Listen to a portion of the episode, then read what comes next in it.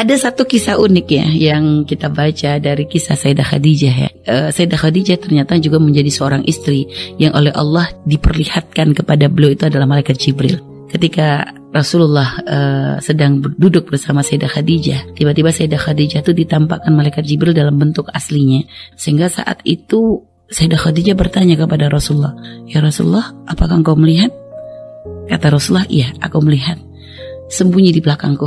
Beliau menyuruh Nabi untuk sembunyi di belakangnya untuk melindungi Nabi Muhammad Shallallahu Alaihi Wasallam. Lalu Nabi tersenyum dan mengatakan, ya Khadijah, dia bukan jin, akan Nabi adalah malaikat Jibril. Jadi menunjukkan lihat luar biasanya beliau ya, luar biasanya dalam ya Allah dalam pengabdiannya kepada Rasulullah Shallallahu Alaihi Wasallam.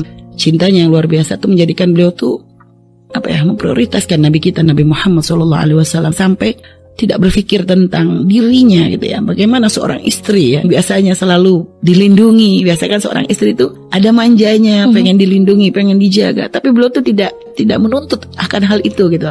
Posisinya kebalik gitu loh. Ibaratnya malah beliau tuh mendapatkan diri untuk selalu menjaga Rasulullah Shallallahu Alaihi Wasallam. Artinya membandingkan dengan diri kita gitu ya. Bagaimana kita sebagai seorang istri yang kadang masih punya banyak tuntutan kepada suami gitu ya. Makanya kalau belajar tentang kisah Sayyidah Khadijah ini sebenarnya menjadikan kita tuh merasa sangat malu sekali gitu ya. Bahwa kita ini sebagai seorang istri ini gak ada apa-apanya dengan apa yang dilakukan oleh Sayyidah Khadijah kepada Rasulullah Shallallahu Alaihi Wasallam. Sehingga makanya sangat-sangat pantas ya dengan kemuliaan beliau, dengan kesolehan beliau, dengan cinta beliau kepada Rasulullah yang teramat sangat besar ini menjadikan beliau tuh menjadi orang yang dimuliakan oleh Allah akan mendapatkan salam khusus dari Allah Subhanahu Wa Taala yang disampaikan melalui malaikat Jibril gitu ya karena memang sangat-sangat layak sangat-sangat layak, sangat-sangat luar biasa.